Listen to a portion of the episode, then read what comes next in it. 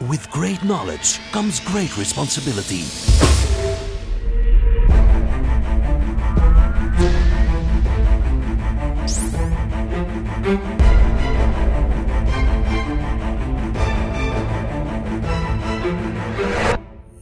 Fifty-two topics by Maarten Bové and Kevin Couvreur.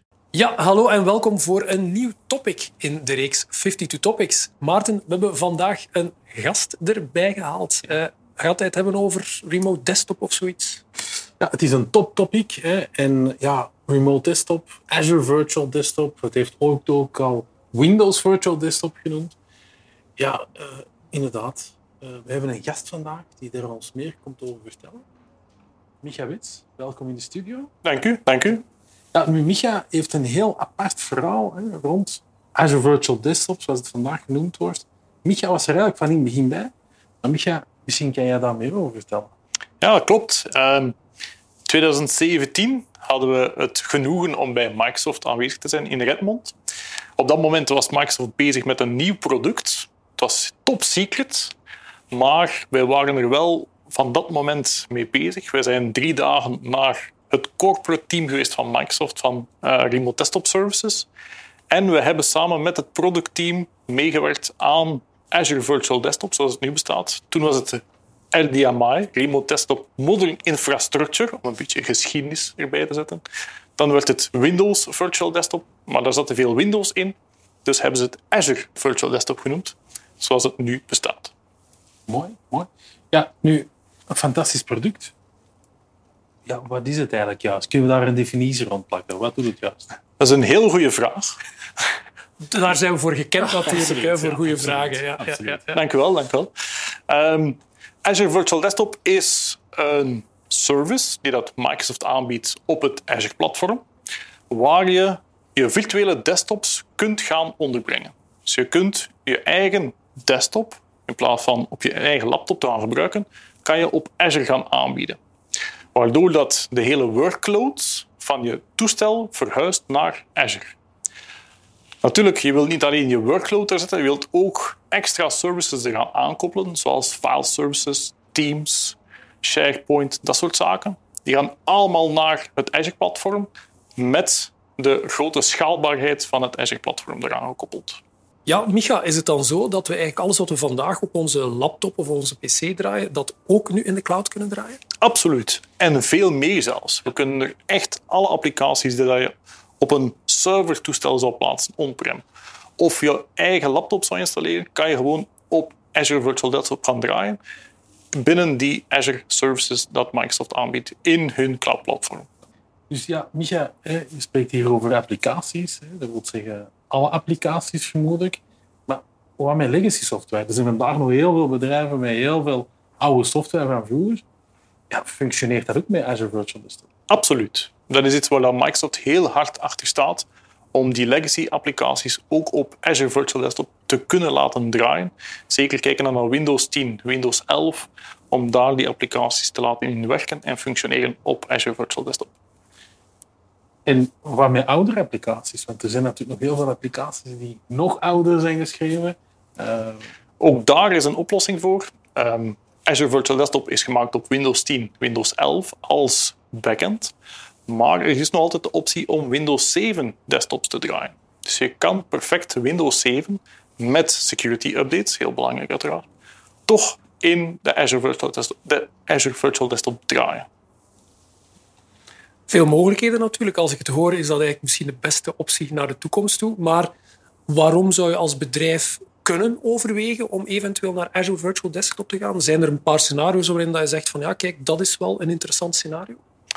Um, als je heel veel gebruikers hebt die geen toestel nodig hebben, die elke dag toekomen op het bedrijf en gewoon een toestel gebruiken om hun functie uit te voeren, dan zou je kunnen zeggen van kijk, we gaan die toestellen weghalen. We gaan tien clients plaatsen, kleine beperkte devices, en we zetten effectief alles online. Ook naar collaboratie toe, naar de collega's. Perfecte oplossing, want Teams zit erin, SharePoint, OneDrive, sharing is mogelijk en je kan toch samenwerken met de collega's. En ook in die omgeving terug alle applicaties gaan aanbieden. Is het dan ook een optie? Stel dat we uh, een iets technischer bedrijf zijn, hè, want we, vroeger spraken we altijd over VDI, hè, Virtual Desktop. Um, ja, voor zwaardere applicaties zoals CAD-CAM en dergelijke meer, is dat ook een oplossing om dat naar Azure Virtual Desktop te brengen? Ja, zeker en vast. Op het Azure-platform hebben we nu ook virtuele machines met GPU, hè, Graphical Processor Units eronder, die dat de optie bieden om die grafische workload te gaan draaien. Elke keer in verschillende stappen kan je van kleine GPU's naar zwaardere GPU's gaan. Dus ja, schaalbaarheid, eigenlijk op dit moment is er ja, weinig of geen workload die niet zou kunnen draaien op uh, Azure Virtual Desktop. Um, is het beperkt zich alleen tot Azure Virtual Desktop of zijn er nog andere zaken die als virtuele PC kunnen draaien uh, in de cloud? We hebben ook buiten Azure Virtual Desktop de Windows 365. Dat is echt gespitst, toegespitst op het draaien van PC's voor eindgebruikers, voor mensen binnen de omgeving. Minder naar het hosten van applicaties, maar het is wel de perfecte oplossing om te zeggen van we gaan geen laptops meer aankopen. We doen puur alles op Azure via Azure Virtual Desktop of Windows 365. Dus ja, weinig nood ook om dan ook veel te gaan voorinvesteren in zware workstations of machines, want we kunnen eigenlijk zoals veel on-demand systemen gaan opzetten en gaan gebruiken waar nodig. Ja, dat klopt. Ja, zeker en vast. Je kan met heel goedkope devices toch die CAD-toepassingen gaan draaien, want alle verwerking zit puur op het Azure-platform. Ja, en zijn daar dan verschillende, ah, zijn er bepaalde business cases rond? Uh, wordt dat vandaag gebruikt? Ik denk bijvoorbeeld aan, aan bouwbedrijven, aan architectenkantoren. Uh, er zijn heel veel verschillende markten die het nu al gebruiken. Zoals je zegt, bouwbedrijven, um, architect, uh, architecten die het gebruiken. Um, maar ook ISV's. Het is niet alleen voor bedrijven, het kan ook voor softwarevendoren zijn die software schrijven en via Azure Virtual Desktop hun applicatie gaan aanbieden naar hun eigen klanten. Dat is zeker en vast ook mogelijk. Dat is dan zonder eigenlijk echt te publishen in een virtuele desktop. Ja. Eigenlijk. Enkel de applicatie wordt getoond aan de eindgebruiker. Geen enkele desktop, enkel hun eigen applicatie wordt getoond. Ja. Azure Virtual Desktop, vaak als je erover leest, kom je nog een andere term tegen, FS Logics. Mhm. Ja, kan je daar misschien eens zeggen, wat is dat juist? Waarom is dat zo belangrijk ook voor Azure Virtual Desktop? Um, vroeger in een terminal server omgeving, de goede oude tijd, um, dan had je het roaming profile. Dus het profiel ging van server naar server toe. De beperking was natuurlijk dat het elke keer moest geladen worden op de server zelf. Nu met FS Logics. Microsoft heeft FS Logics overgekocht, 2018 precies te zijn. um, daarmee kan je het profiel in een disk, een virtuele disk gaan opslagen. En wordt die disk op een file share opgeslagen en gaat die met de gebruiker mee naar zijn virtuele omgeving.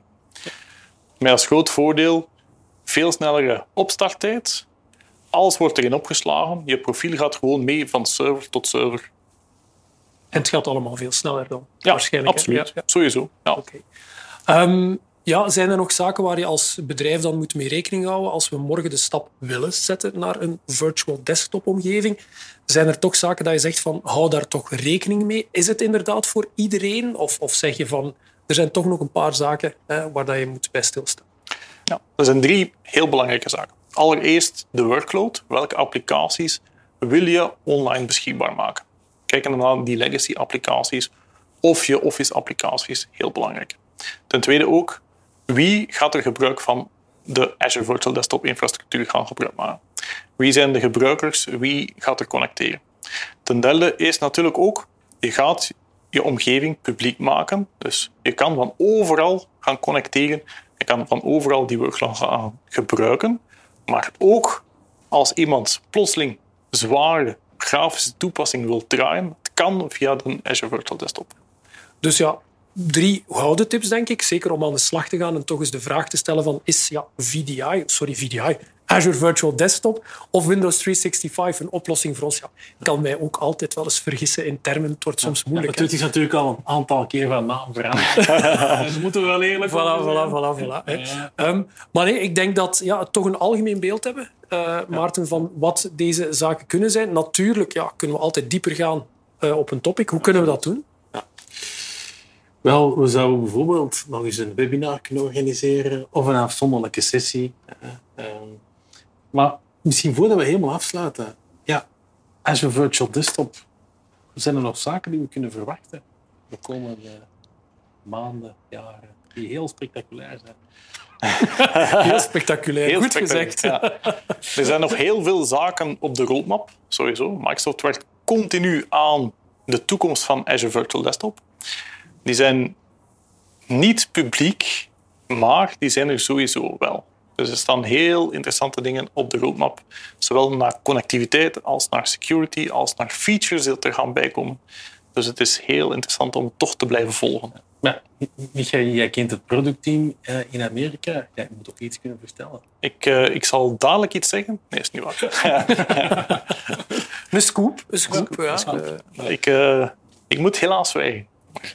Maar we zullen jou eh, in elk geval mee in de gaten houden. Is goed. Eh, en ik denk ja, dat we dan een kunnen afronden vandaag. Ja, ik eh, hoop dat het toch wel een beetje meer info of inzicht heeft kunnen geven in eh, wat ja, Azure Virtual Desktop is, wat Windows 365 is, wat het eventueel zou kunnen betekenen voor jouw bedrijf. Vergeet ook niet, als jullie vragen zouden hebben, eh, hashtag rode telefoon, eh, stuur, schrijf een commentaar onder de video of stuur ons een mail en we helpen je zeker graag verder. Ja, Maarten, eh, ik denk dat we ons gaan mogen voorbereiden voor ons volgende topic. Het is nog een verrassing voor ons ook, maar het wordt in ieder geval even boeiend. Micha, vriendelijk bedankt om vandaag aanwezig te zijn en onze specialist eh, te zijn. Dank u wel. Eh, ik zou zeggen tot in de wandelgangen en tot snel. Bedankt. Hoi. Tot de volgende. Doei.